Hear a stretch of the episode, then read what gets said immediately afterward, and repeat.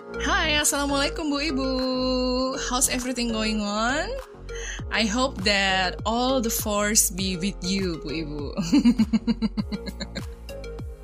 Jadi kayak film Star Wars ya, May the Force be with you.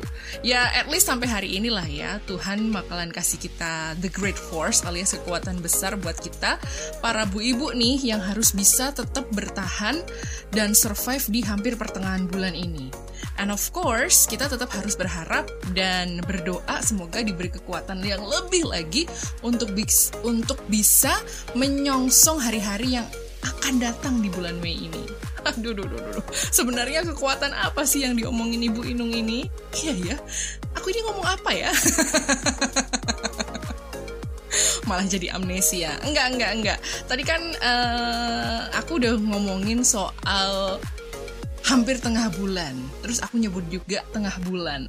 Dan aku juga sempet sebut lagi bertahan sampai selesai bulan Mei. Nah, apalagi coba kalau yang dimaksud itu nggak lain dan nggak bukan adalah kekuatan finansial kita. Ya nggak sih? Ya nggak sih? Ya nggak sih?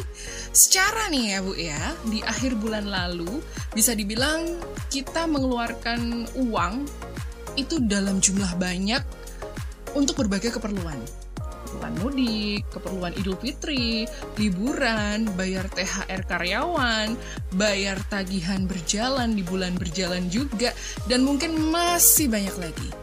Nah, apakah kita masih punya kekuatan finansial itu sampai sekarang? Coba tanyakan pada ibu sendiri. Masih nggak kekuatan finansial itu dipegang sama ibu dan gimana caranya ya biar kita tetap kuat bertahan sampai akhir bulan ini dengan kondisi real keuangan yang kita miliki saat ini? Nah, jangan ke mana-mana Bu. Tetap di sini aja bareng Ibu Inung. Kita akan bahas ini dalam podcast Bu Ibu.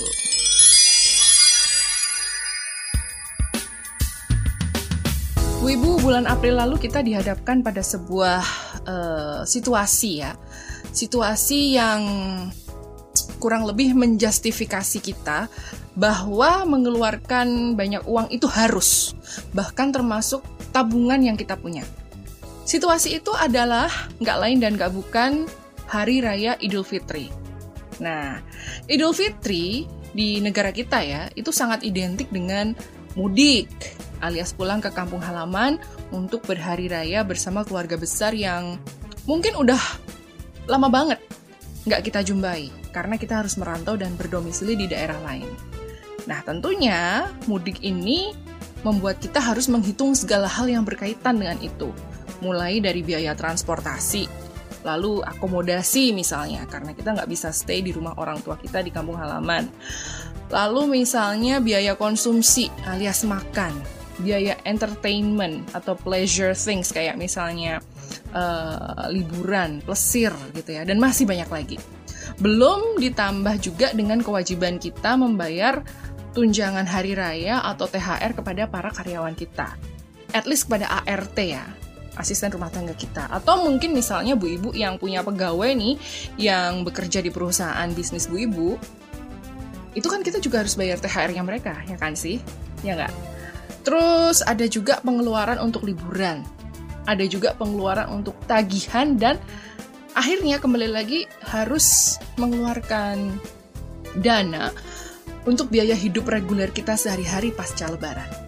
Nah, gaji bulanan atau pendapatan kita atau misalnya pendapatan suami nih sebagai penghasil utama nafkah keluarga kita bisa jadi tidak mengcover itu semua sehingga ada kemungkinan kita itu harus mencari sumber lain untuk memberi kita kucuran dana ya, seperti misalnya pegadaian, koperasi simpan pinjam, atau pinjaman online alias pinjol.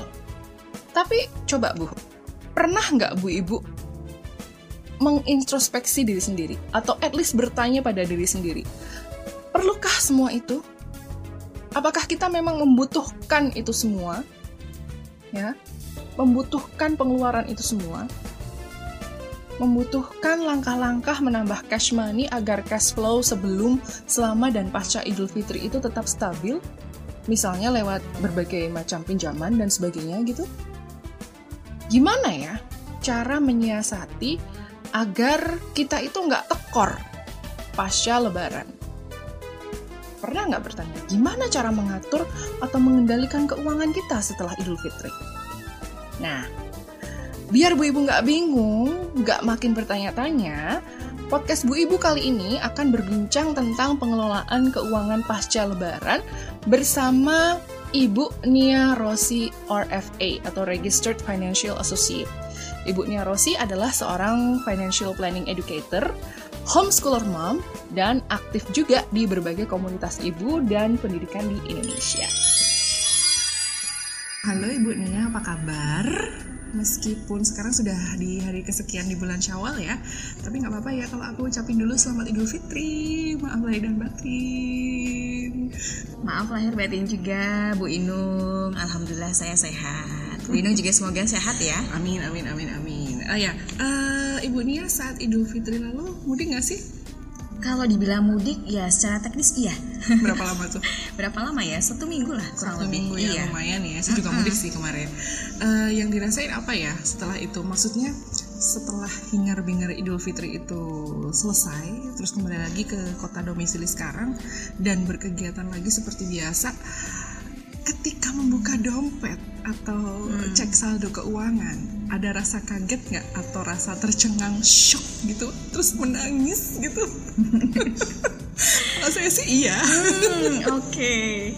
nah kebetulan nih ini uh, udah beberapa tahun ini kalau saya sendiri sih enggak hmm. ya karena uh, apa ya karena kita menyadari ya saya sendiri menyadari bahwa event Idul Fitri itu kan berulang setiap tahun dan harusnya saya punya kemajuan ya dari setiap tahun itu terutama dalam hal yang tadi Bu Inung bilang ya mm-hmm. aduh ngeliat dompet gitu kan ya meringis nggak sih gitu kan ya nah tahun-tahun lalu ya mungkin sekitar eh, empat uh, atau lima tahun lalu saya ngalamin nih hal ini mm-hmm. kayak gitu beneran kayak aduh ternyata gitu buat uh, apa berikutnya kok tipis banget gitu. Bahkan yeah. makan uh, bisa saya akui biasanya malah saya ambil pos di luar THR ya atau misalnya kayak budget bulan berikutnya tuh saya ambil buat quote on quote nalangin gitu ya apa yang sudah dikeluarkan. Tapi alhamdulillah ya kurang lebih tiga tahun terakhir ini saya mulai bisa me, apa ya memisahkan atau mendisiplinkan diri begitu bahasanya ya. Hmm.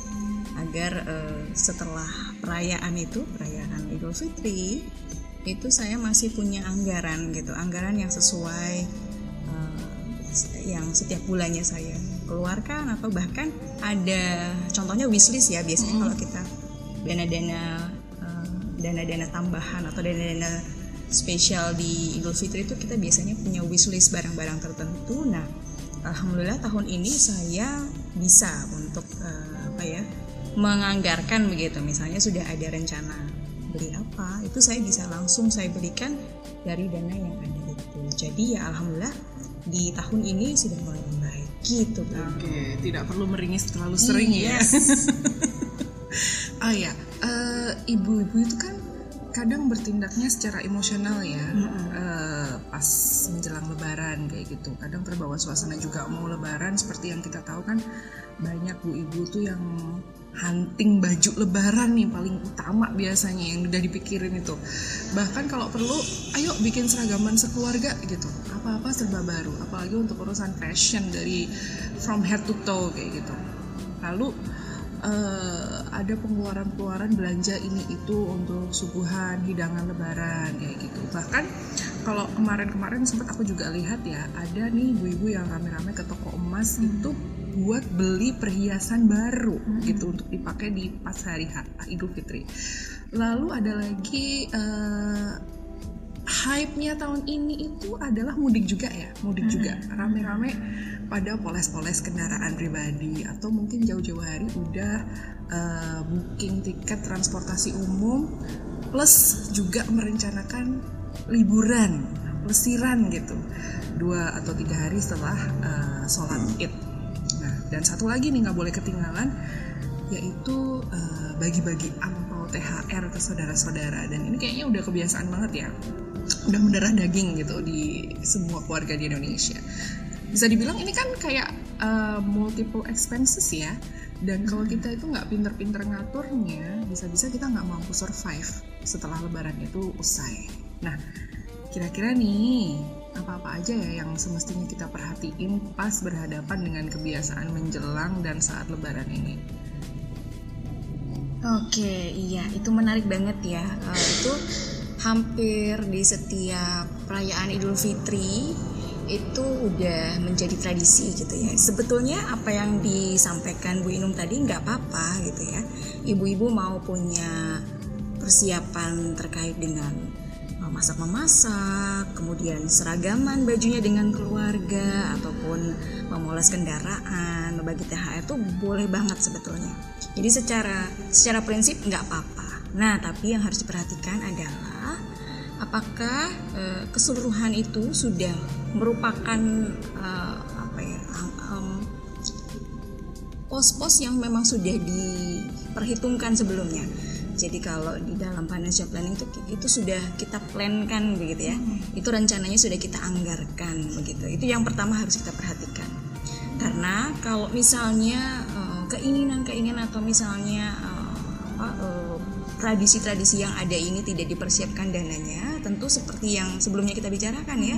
Kita bisa meringis gitu. Nah, sebenarnya nggak apa-apa. Jadi prinsip dasarnya selama uh, dananya ada itu satu. Uh, dan diplankan ya. Jadi kadang-kadang kalau kita mentang-mentang dananya ada itu kita nggak ngeplan. Mm-hmm. kita nggak nggak nggak aware gitu ya. Sebenarnya sebetulnya uh, pertama betul perlu atau tidak gitu kan ya. Atau ini ada unsur kayak kadang-kadang kita pengen uh, menunjukkan gitu ya. Yeah. menunjukkan sesuatu atau mengapresiasi terhadap uh, diri kita maupun keluarga kita itu secara lebih tapi uh, kita harus balik lagi sebetulnya gitu ya. Kalau misalnya uh, dalam konteks finansial kita ada nggak dananya dan perlu tidak gitu untuk untuk ke sana gitu. Ada beberapa yang memang sengaja menganggarkan bu. Jadi uh, setiap tahun itu memang karena sudah diprediksikan ada dana lebih ya di luar um, gaji maupun penghasilan secara rutin yang bulanan itu ada beberapa yang memang menganggarkan. Nah tapi uh, perlu diingat juga gitu bahwa ini kan berarti adalah penghasilan tahunan ya. Penghasilan tahunan itu artinya dia akan muncul mungkin satu tahun sekali nominalnya pasti akan e, bergantung dengan ini ya e, standar gaji keluarga masing-masing ataupun standar penghasilan keluarga masing-masing. Tapi selain apa e, untuk perayaan kita juga harus perhatikan sebetulnya bu ada nggak sih kebutuhan yang juga kita akan keluarkan secara tahunan? Misalnya apa pajak nah, pajak kendaraan ya hmm. itu kan pasti tahunan yeah. atau misalnya ada keluarga yang memiliki asuransi hmm. gitu ya itu juga preminya ada juga yang dibayar tahunan jadi kita tetap perlu menyeimbangkan hmm. antara uh, keinginan atau cita-cita ya cita-cita perayaan dengan kebutuhan yang secara tahunan juga jadi jangan sampai eh, dana-dana tahunan ini uh, apa ya kita kita fullkan hanya untuk kesenangan atau perayaan yang mungkin sebetulnya secara kebutuhan kita ada juga porsi untuk e, menganggarkan yang tadi itu. Entah perpanjangan pajak yang tadi ya dan banyak hal lainnya lah itu ya yang bisa di mungkin ada beberapa biaya yang kita kalau e, bayarkan di setahun kan akan lebih efisien dan lain sebagainya. Nah, itu harus diperhatikan. Jadi pertama itu. Jadi ada dananya ada planningnya mau buat apa saja sama kita perlu juga ketika planning itu melihat gitu apakah kita bisa split budgetnya juga untuk kebiayaan ke, apa kebiaya yang bersifat tahunan? Nah ya seperti itu. Itu rekomendasinya. Lalu kemudian eh, yang keempat tentu saja eh, kita perlu tracking ya. Dari planning yang tadi kita sudah eh, catat ya kita udah rencanakan kita perlu tracking spendingnya gitu sesuai nggak sih dengan planning yang sudah kita catat? Misalnya kita menganggarkan untuk makanan ya. Kita masak-masak besar lah gitu yeah. atau beli kue gitu. Katakanlah ya eh, budgetnya let's say 2 juta misalnya ya. Nah kita harus betul-betul tracking betul nggak sesuai dengan apa yang kita rencanakan gitu. Karena banyak sekali yang mentang-mentang gitu ah nggak apa-apa lah gitu kan sekali setahun gitu kan ya. Eh, nggak uh, usah lah kita mikir-mikir berapa gitu kan. Padahal kalau dari kita pengen bener secara finansial tuh harus kita track tuh bu gitu. Biar apa? Satu review kan. Nah, sesuai nggak planning sama realisasinya? Yang kedua kita akan review juga. Kita tuh lebih berat mau samain kebutuhan atau mungkin ada hal-hal lain gitu ya di luar kebutuhan itu. Nah itu perlu. Jadi jangan sampai udah planning, udah juga split budget misalnya ya tadi buat buat perayaan maupun buat buat kebutuhan tahunan, tapi kita nggak tracking. Spending kita bener nggak sih di situ. Karena apa? Karena uh, basicnya keuangan tuh kita tahu tuh flownya ke mana gitu kan ya. Kita punya basis data gitu. Nah basis data itu yang akan kita gunakan di tahun berikutnya Iya. kayak gitu. Sehingga tahun berikutnya kita akan uh, punya pegangan yang lebih baik lagi gitu oh ternyata misalnya ya setelah di tracking nih wah aku kelebihan nih misalnya memperkirakan jumlah uh, makanan yang saya sediakan di rumah tuh bener-bener lebih banget sampai misalnya kita akhirnya ya biasa ya kita uh, kehangatan gitu ya penuh kehangatan di rumah Iya. Maksudnya hari kedua dihangatkan. Iya, dihangatkan lagi kayak gitu. Nah, gitu kan. Rendangnya hari ketiga dihangatkan, dihangatkan lagi gitu kan dan bahkan sampai aduh aku kasih ke siapa lagi gitu kan ya Nah, kadang-kadang kan betul, ada yang betul, seperti betul. itu nah Hmm. mungkin tuh kita bisa evaluasi tuh bu gitu kan jadi mungkin kita nggak perlu sampai seperti itu. Kita siapkan untuk hari pertama mungkin menu hari kedua kita akan berbeda dan sebagainya. Jadi tidak akan ada pengulangan yang sama dan tidak akan ada kebocoran yang sama. Nah itu penting pentingnya di situ. Sehingga eh, kenapa mencatat menjadi penting? Jadi biar eh, apa semuanya tuh kita upayakan selaras dan seimbang gitu ya. Jadi perayaannya dapet, kebutuhan untuk eh, di keluarga kita juga dapat, sama kita punya yang namanya eh, fondasi buat tahun berikutnya itu kita mau ngapain gitu. Apakah dengan cara yang sama, cara yang berbeda? Nah kita akan lebih lebih smart lagi tuh eh, mengelola budgetnya. Kira-kira kayak gitu sih bu. Hmm, iya, ini eh, ini bagus banget tadi aku dengar kita harus eh, split budget dan tracking itu ya itu biar kita punya persiapan untuk tahun depan apalagi Ya. eh, kita kan juga nggak pernah tahu ya next year atau kapan lagi itu akan ada inflasi juga Nah, kan itu kan juga betul. akan sangat mempengaruhi Betul. nilai tukar juga ya kan. Nah, eh, Bu Nia nih ada juga kan ya tuh ya eh, demi bisa berlebaran dengan suasana yang festif gitu ya. Nggak jarang juga nih eh, para bu ibu itu ambil langkah yang menurutku yang agak ekstrim sih gitu. Untuk hanya mendapatkan sebuah kucuran dana segar gitu untuk mengcover segala keperluan itu gitu kan misalnya ada yang ke pegadaian mereka gade emas atau misalnya barang bergerak lain atau malah ke toko emasnya langsung jadi menjual beberapa perhiasan emasnya. Terus mungkin juga ada yang eh, ke koperasi simpan pinjam gitu. Ya untuk pinjam duit lah tentunya. Dan mungkin atau aku yakin sih banyak banget sih yang ambil shortcut lewat pinjol gitu ya pinjaman online gitu nah menurut Bunia gimana nih tentang perilaku seperti ini Ya, oke. Jadi kalau dalam prinsip financial planning yang pertama itu rekomendasinya sebetulnya adalah yang pertama ya bukan cash flow yang positif sebetulnya malah apa? Yang pertama itu eh, mengurangi atau meniadakan hutang konsumtif sebetulnya. Jadi kalau dari prinsip ini malah sangat tidak rek- direkomendasikan ya gitu apa pun eh, apa namanya istilahnya eh, planning apa pun gitu yang ada di dalam eh, pikiran atau di anggaran kita sebaiknya betul-betul memanfaatkan dana yang sudah ada. Itu yang pertama gitu. Makanya tadi kalau misalnya biasanya eh, yang melakukan itu ya tadi kayak ke pegadaian terus kemudian eh, meminjam ke pinjol gitu ya. Itu karena tidak punya anggaran gitu ya nggak punya pegangan kira-kira berapa sih gitu jadi mereka mungkin akan eh, berpikiran ah daripada kurang. Nah itu biasanya gitu. Ya itu harus kita teliti dulu tuh bu gitu. Ini jadi mau mendang mending ya ya. jadi mending pinjam aja deh mending gitu pinjam ya. aja gitu kan. Dan itu kan tapi akhirnya tidak dipikirkan secara apa ya eh, secara jangka panjang gitu ya.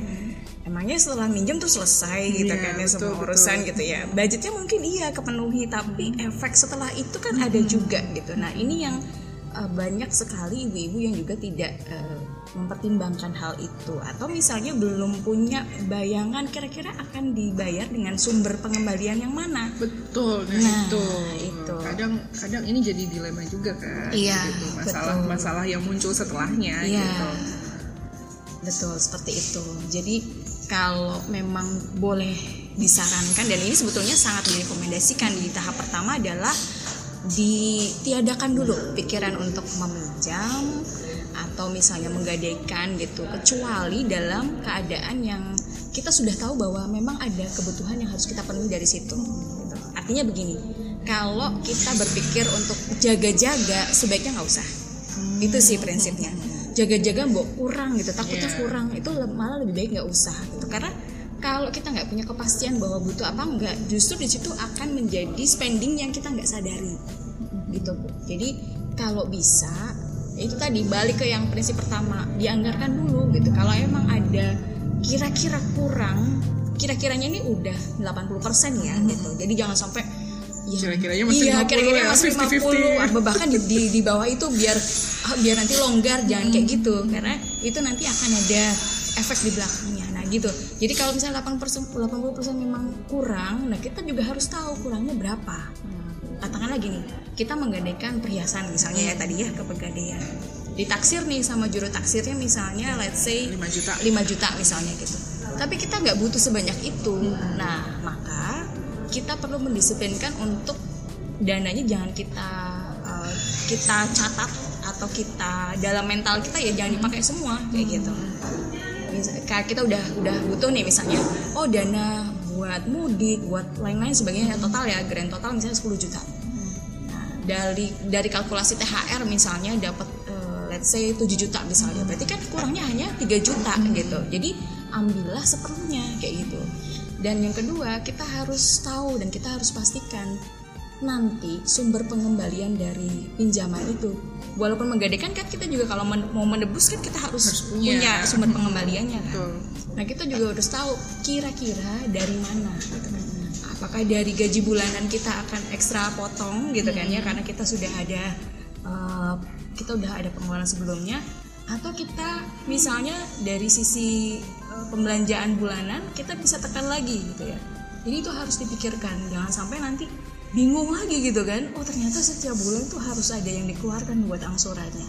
Nah baliknya ke situ. Jadi secara teknis kalau memang diperlukan ya eh, menggadai misalkan bahkan menjual kalau menjual udah selesai lah ya Iya. masalahnya ya karena ada fresh money tapi tetap harus diperhatikan kebutuhannya sebanyak itu atau tidak gitu nah itu sama prinsipnya jadi gitu sih Oke.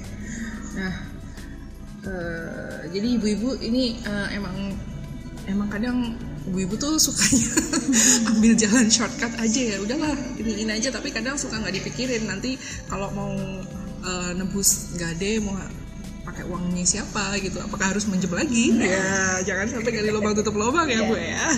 Gitu. Jadi sebenarnya apa-apa sih yang harusnya eh, jadi highlight kita saat mempersiapkan keuangan menjelang Idul Fitri itu? Supaya di kemudian hari pasca Lebaran itu kita masih punya kekuatan finansial nih untuk dalam tanda kutip nyambung hidup gitu sampai akhir bulan berikutnya. Seperti yang kita tahu kan kemarin kita Lebaran tuh eh, minggu terakhir bulan April kan ya dan kita mungkin masih harus harus survive sampai akhir bulan Mei kayak gitu. Apalagi yang gajiannya di tanggal 25 gitu. iya Di tengah-tengah sekarang tuh kayaknya udah iya udah tua gitu. betul betul nah eh, sebelum masuk kepada apa rancangan ya rancangan pembiayaan ya kalau saya sebutnya seperti itu di dalam setiap Idul Fitri atau momen-momen biasanya liburan sekolah misalnya gitu ya kita tuh harus firm dulu sih sebetulnya bu eh, di bulanan kita tuh berapa sih spending kita gitu loh Nah, tadi ya balik lagi ke contoh-contoh. Kenapa? Kenapa pencatatan itu menjadi penting ya? Karena itu menjadi pondasi kita gitu loh. Mau apa pun perayaan atau maupun tabungan yang mau kita sisihkan, kok kita udah firm banget gitu. Kebutuhan kita yang nggak bisa diganggu gugat tuh berapa? Gitu. Uh, jadi pembiasaan punya pencatatan atau tracking spending tentang misalnya ya yang yang basic-basic biasanya di keluarga kita di keluarga Indonesia tuh misalnya ya adanya cicilan itu kan menjadi salah satu kewajiban yang harus kita persatukan gitu kan ya. Terus kemudian ma- masuk lagi ke em, biaya-biaya operasional di rumah biasanya yang emang nggak bisa diganggu gugat listrik Gas. gas gitu kan air, air bensin gitu kan terus kemudian- Internet. Sekarang internet kan udah- sekarang udah bener. ya nah kan? itu dia internet jangan sampai wifi di rumah disconnect gitu ya. Nah nah ini kan kita harus perhatikan tuh apa-apa aja gitu jangan sampai justru yang penting secara operasional di keseharian kita di uh, bulanan tuh kita nggak paham berapa jumlahnya. Itu dulu. Itu ibu-ibu harus punya punya apa ya istilahnya kalau ditanya berapa sih budgetmu?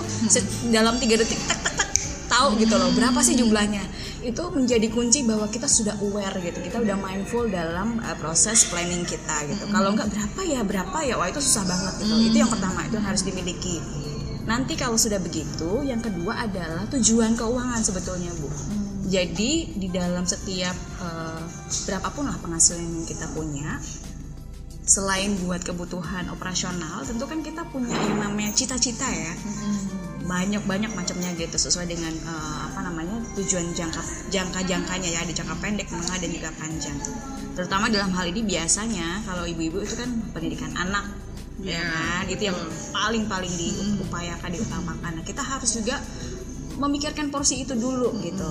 Jadi kita udah tahu oh ternyata dari setiap penghasilan yang kita punya itu kita bisa kok me- membagi-baginya ke dalam itu. Jadi eh, bukan berapa jumlahnya ya, tapi saya yakin setiap penghasilan itu punya takar atau atau kadarnya itu masing-masing. Misalnya eh, saya menganggarkan let's say eh, untuk eh, makan ya, artinya masak pokoknya untuk makan sehari-hari misalnya sebulan 2 juta. Kalau kita sudah menetapkan itu kita nanti akan muncul tuh rasa kreatif untuk bagaimana caranya 2 juta ini cukup kita breakdown sehari jadi berapa atau misalnya kita pakai metode apa pun nanti akan ketemu. Tapi kita udah punya yang namanya eh, pokoknya segini gitu. udah tuh di mindset kita akan akan terus bunyi gitu kan. Kita akan kalau saya biasanya akan membagi misalnya 2 juta berarti seharinya misalnya berapa? Misalnya katakanlah ketemu 40 ribu misalnya misalnya ya. Udah tuh jadi di mindset saya dalam sehari saya harus membelanjakan sejumlah 40.000 ribu untuk makan apa pun menunya. Jadi kita harus kreatif. Misalnya seperti itu terus kemudian setelah sudah setelah tahu ya tadi operasional sudah kemudian tujuan keuangan sudah. Nah tentu kan em, ada yang eh, secara anggaran masih longgar ada yang emang mepet banget. Ini nanti yang akan kita jadikan panduan ketika nanti ada THR atau ada bonus bahkan begitu ya. Jadi jangan sampai kalau bisa sih kalau saya sarannya dalam kan gini, kita persiapan bulan ini Mei ya. Kita akan bertemu lebaran lagi tahun depan mungkin kira-kira either Mei atau April malah ya. Aprilnya agak maju aja Agak tanggalnya. Oh iya, agak- agak maju Kan ya. Biasanya maju 10 hari. Oh ya, oke. Nah, April lagi. Nah, ini kan berarti masih ada 11 hari nih. Kalau saya 11 bulan. Eh, sorry, 11 bulan. Iya, 11 bulan ya. Nah, karena masih ada rentang waktu 11 bulan ini, kalau saya boleh menyarankan, itu sisihkan tuh. Misalnya gini, kita tahu ya anggaran eh, operasional kita per bulan bulatnya misalnya 5 juta gitu ya. Nah, 5 juta itu saya menyarankan untuk punya yang namanya cadangan tuh dan dibagi per bulan gitu. Misalnya dalam 5 bulan kalau dibagi 11 bulan ya katakanlah bulatnya 12 bulan ya sebulannya 600 ribu kan. Nah, jadi kita punya yang namanya kantong cadangan untuk mengantisipasi yang kayak tadi just in case gitu ya kita bulanannya kepake di bulan eh, perayaan itu atau kita perlu perlu sesuatu yang kita ambil mungkin nggak usah gadai gitu mungkin nggak usah jual atau bahkan pinjol tapi kita sisihkan aja. Kayak gitu. Senilai uang bulanan yang kita perlukan secara operasional. Biar apa? Ya biar gitu mengantisipasi kalau misalnya ada kejadian kita kok nggak bisa nyambung hidup ya sebulan ke depan kita udah punya itunya. Tapi mindset harus dari hari ini gitu. Karena kan yang tadi saya awal dibilang gitu kan kita kan lebaran tuh setiap tahun gitu loh. Masa kita setiap tahun nggak ada perkembangan ini ya? Maksudnya kedamaian ya? maksudnya eh, nggak ada apa eh, bio- behavioral change Ya, gitu, gitu. gitu ada perubahan perilaku. perubahan perilaku gitu. Karena ya kalau misalnya nggak ada keluhan sih nggak apa-apa ya bu ya Kalau keluarga sultan sih nggak masalah iya ya. masalah gitu kan cuma kita Biar keluarga budget. Eh keluarga budget gitu. Jadi itu yang harus kita lakukan gitu. Mau nggak mau kita akhirnya belajar. Nah di ibu-ibu kalau sudah menerapkan ini, nanti anak-anak akan kebawa. Nah ini efek efek efek eh, baik berikutnya. Jadi siapkan dulu. Jadi tadi gitu ya. eh, udah apa masih setahun lagi kita lihat kebutuhan tahun ini apa aja kita evaluasi gitu kan ya. Kira-kira tahun depan tuh perlu perlu nominal yang sama atau bahkan lebih gitu. Nah kita persiapkan dari sekarang gitu. Jadi ibaratnya kalau saya mau bilang jangan ngandelin THR dulu gitu. Coba saving dulu deh. Di bulan ini ada nggak yang bisa ditekan yang kita bisa eh, saving di depan ya? Setelah, jadi ada tiga nanti komponen utamanya. Selain kebutuhan operasional harian terus kemudian ada tabungan untuk um, cita-cita ya atau outcome keuangan yang lebih besar lagi yang kayak tadi contohnya dana pendidikan sama yang ketiga adalah uh, kebutuhan untuk perayaan-perayaan sebenarnya apa pun sih bisa kita lakukan buat traveling atau misalnya untuk yang tadi itu sekalian ya traveling maupun perayaan Idul Fitri itu kita uh, sisihkan dana gitu. Mungkin gak usah banyak-banyak misalnya kalau misalnya wah udah mepet banget nih ya udah gitu. Uh, berapa yang bisa kita sisihkan nah itu jadi prinsip pertamanya financial planning adalah mendaya gunakan resources yang ada gitu gitu.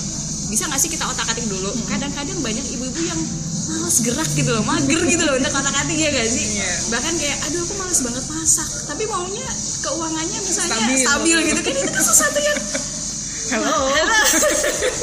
it's impossible gitu kan. Jadi saya menganjurkan untuk ya udah kita reevaluate terus kita bikin apa yang baru gitu di tahun ini misalnya oh aku nggak bisa deh eh, kok bener-bener udah mepet banget. Oh berarti kita punya punya cara lain misalnya. Oke cari income bisa nggak? Gitu. Dari apalah kayak gitu. Tapi bener-bener harus disiplin lagi. Gitu. Bener-bener kayak eh, kalau misalnya nanti ada hasil dari apa yang kita upayakan ya di luar eh, penghasilan yang sudah ada harus benar-benar kita ada tujuannya juga. Jadi jangan sampai nggak ada penghasilan tapi buat apa berikutnya? Jadi saya selalu menyarankan ibu-ibu kalau punya penghasilan di luar eh, penghasilan yang utama itu juga dibagi juga buat eh, produktivitas gitu ya. Kayak gitu. Jadi selalu balik lagi ke modal apa pun bentuknya lah. Jadi gitu ya.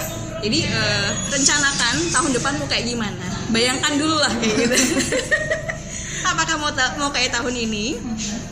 Atau dananya mau lebih sederhana? Atau bahkan lebih besar? Itu kan tergantung dari keluarga masing-masing Iya, ya gitu. Jadi dan dari sekarang inilah kita juga harus punya ke situ. Gitu. jadi kita akan menjadi pengingat eh nanti kita tahun depan mau jalan lebih jauh lagi nih gitu. Budgetnya akan lebih besar lagi. Nah itu harus dikomunikasikan tuh di keluarga sehingga anak-anak kita pun juga udah tahu oh iya ya benar juga ya kita punya tujuan yang jauh lebih besar. Hari ini kita perlu merencanakan dan mengap- apa, me- mengimplementasikan ya sedikit demi sedikit. Kayaknya itu sih Bu yang secara sederhana kita bisa terapkan ya.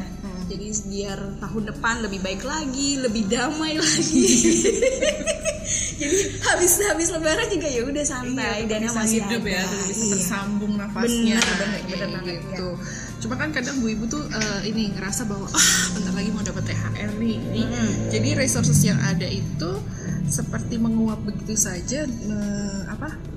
Kemudian menggantungkan kepada eh, nominal THR yang mereka akan dapatkan. Iya, gitu. iya, iya. Nah, masalahnya sekarang gimana caranya ngatasin kalau Mm-mm. gaji dan THR yang sudah terlanjur tidak tersisa itu pasca lebaran itu gimana? Bahwa ternyata banyak kejadian juga ya bu ibu itu untuk nyambung hidup itu seperti yang aku bilang tadi pinjam pinjam uang entah itu ke tetangga entah ke pegadaian entah ke sumber yang lain nah kalau sudah seperti ini apakah sudah kondisinya ini sudah disebut benar-benar tekor pasca lebaran Iya ya, tentu iya. Itu iya bisa dibilang kayak gitu sih karena eh apa ya?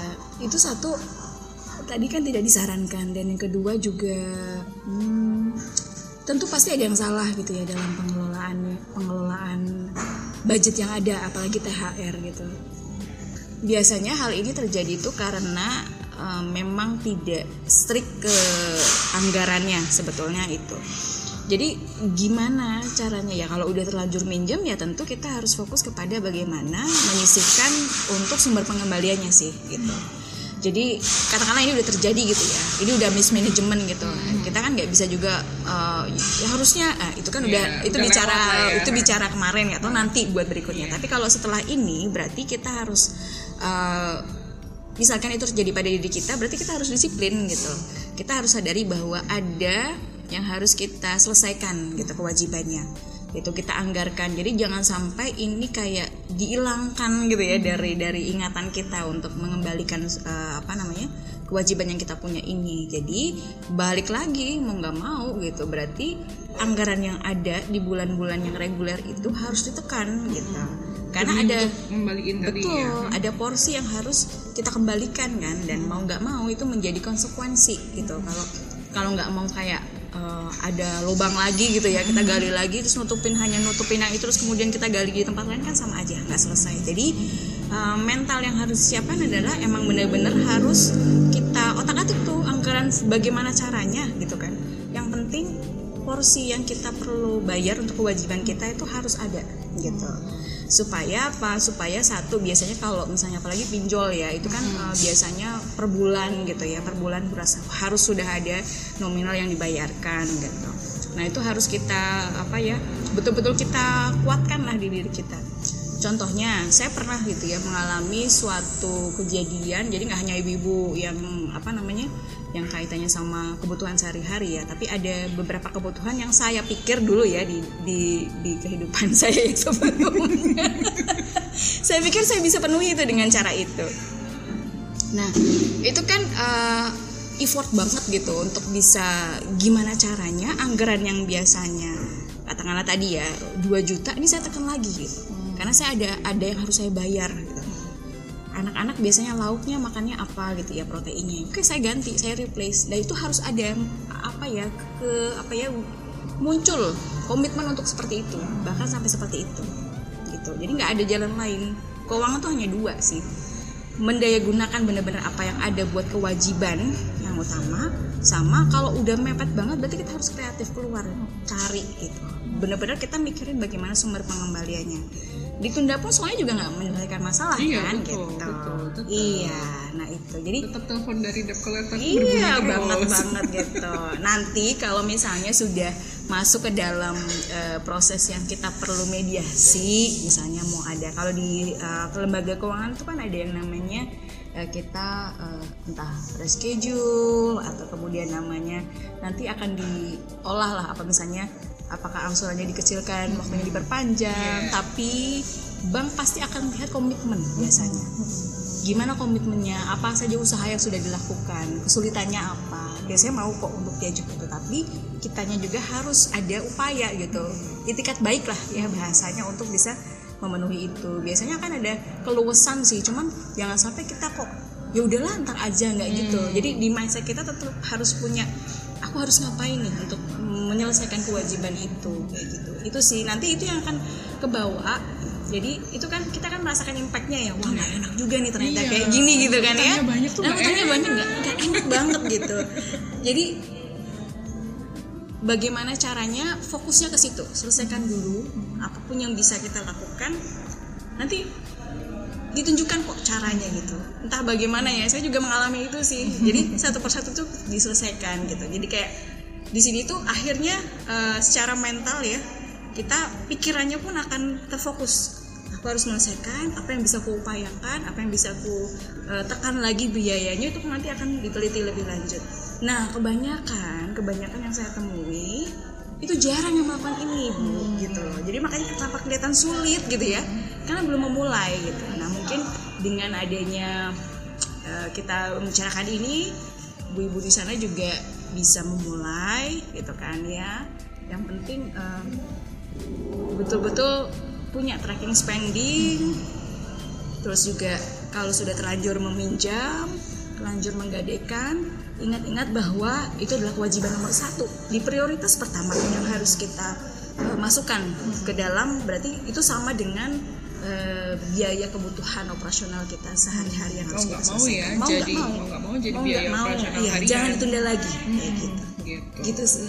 Iya. Hmm. Jangan sampai ketika sudah uh, dikasih apa hati mintanya ampela juga ya.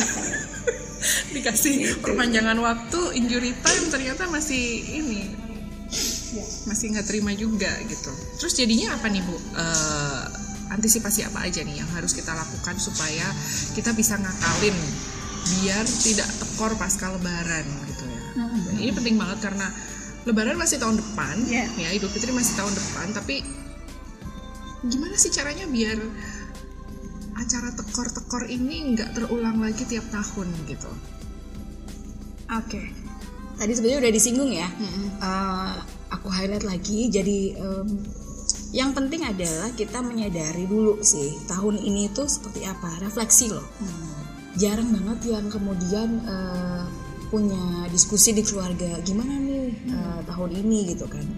Kira-kira uh, istilahnya bermanfaat nggak gitu kan? Ada value-nya nggak gitu kan ya? Karena sejatinya perayaan itu bukan hanya sekedar hura-hura ya harusnya ya. Kita punya makna lebih gitu loh kita ada pertumbuhan diri apa gitu di tahun ini? Mungkin nggak hanya di saat lebarannya ya tapi proses ketika uh, di Ramadan ini ada pertumbuhan nilai apa di keluarga kita? Mungkin itu yang perlu dibicarakan dulu sebelum menentukan tahun depan itu kita mau akan ke mana budgetnya gimana kayak gitu. Karena kalau misalnya kayak ya udahlah itu udah biasa usual gitu kan jadi nggak ada makna gitu loh di diri kita. Kayak ya rutin aja gitu buat apa gitu kan? Jadi kosong gitu jadi kalau saya sih menyarankan eh, keluarga diskusi dulu atau ngobrol lah ya ngobrol gitu. Kemarin gimana gitu.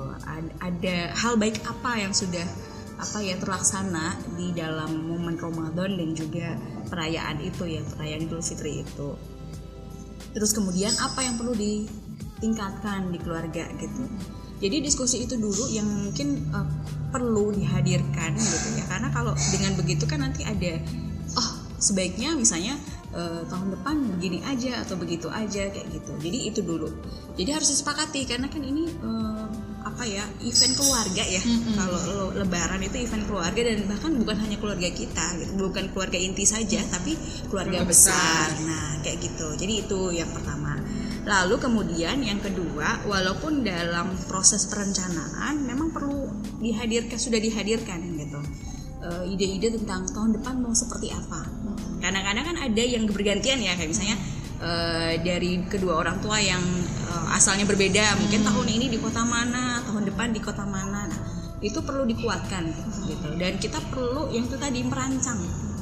Jadi kalau dari tahun ini kita punya masih ingat gitu ya kita ngapain uh, apa aja yang kita keluarkan gitu ya itu sebaiknya belum terlambat ya untuk mencatat. Seingatnya gitu. Misalnya oh pulang uh, ke sana kemarin transportasi habis sekian gitu. Terus kemudian berapa malam berapa banyak saudara yang ditemui itu kan bisa kita masih ingat lah masih ya dua minggu ya dua minggu dua minggu lebih. Itu kita coba uh, punya waktu untuk merekap itu semua seingatnya aja gitu. Nah itu menjadi basis data buat berikutnya. Gitu sih. Jadi uh, diskusi dalam arti refleksi tahun ini apa yang sudah baik, apa yang akan ditingkatkan di tahun depan, mau belajar apa yang baru tentunya ya.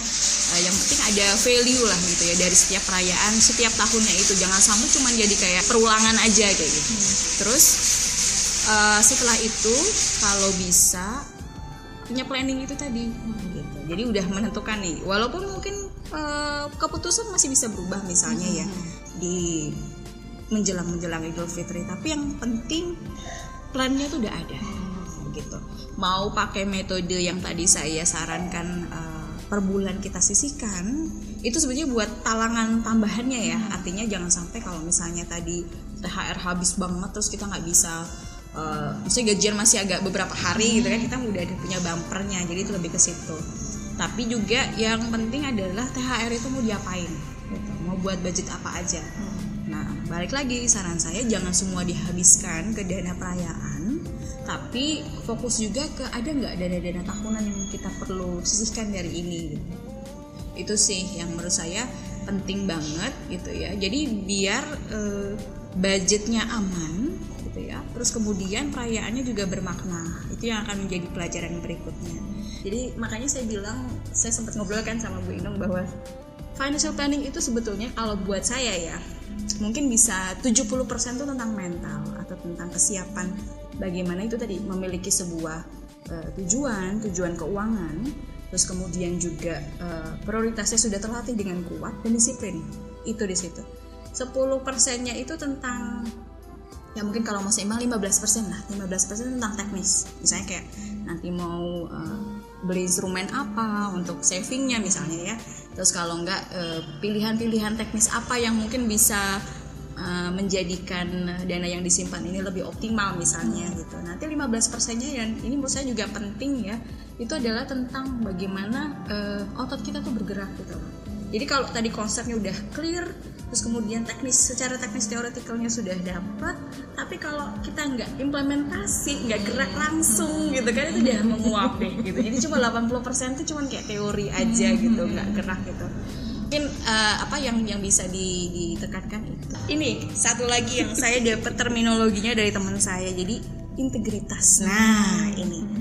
Karena ini menarik. Ini saya baru jika kebetulan ketemu teman lama gitu dan dia juga uh, apa bergerak ya di bidang literasi keuangan tapi dia lebih fokus ke UMKM dan dia banyak menemui uh, tidak integri apa integritas itu tidak muncul di di teman-teman UMKM ini. Karena apa? Kan memang basisnya keuangan itu harus mencatat. Kita harus punya tracking. Kebanyakan uh, mereka yang yang ditemui oleh teman saya ini itu tidak mencatat pengeluaran sekecil apa pun yang dikeluarkan dari usaha mereka. Jadi kayak ya udahlah misalnya kayak gini ya. Ini nggak nggak dicatat sebagai misalnya ini adalah operasional untuk uh, project apa. Itu nggak mereka catat jadi itu nggak clear.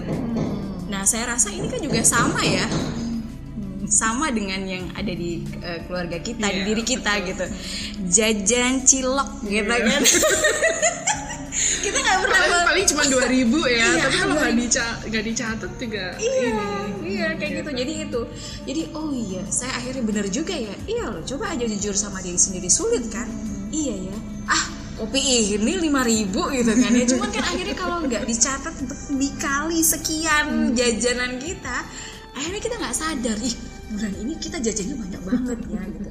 Itu yang banyak yang masih apa keengganan yang banyak dialami gitu untuk diri kita sendiri. Jadi itu satu lagi gitu. Jadi kita harus jujur sama diri sendiri nyatetin financial integrity.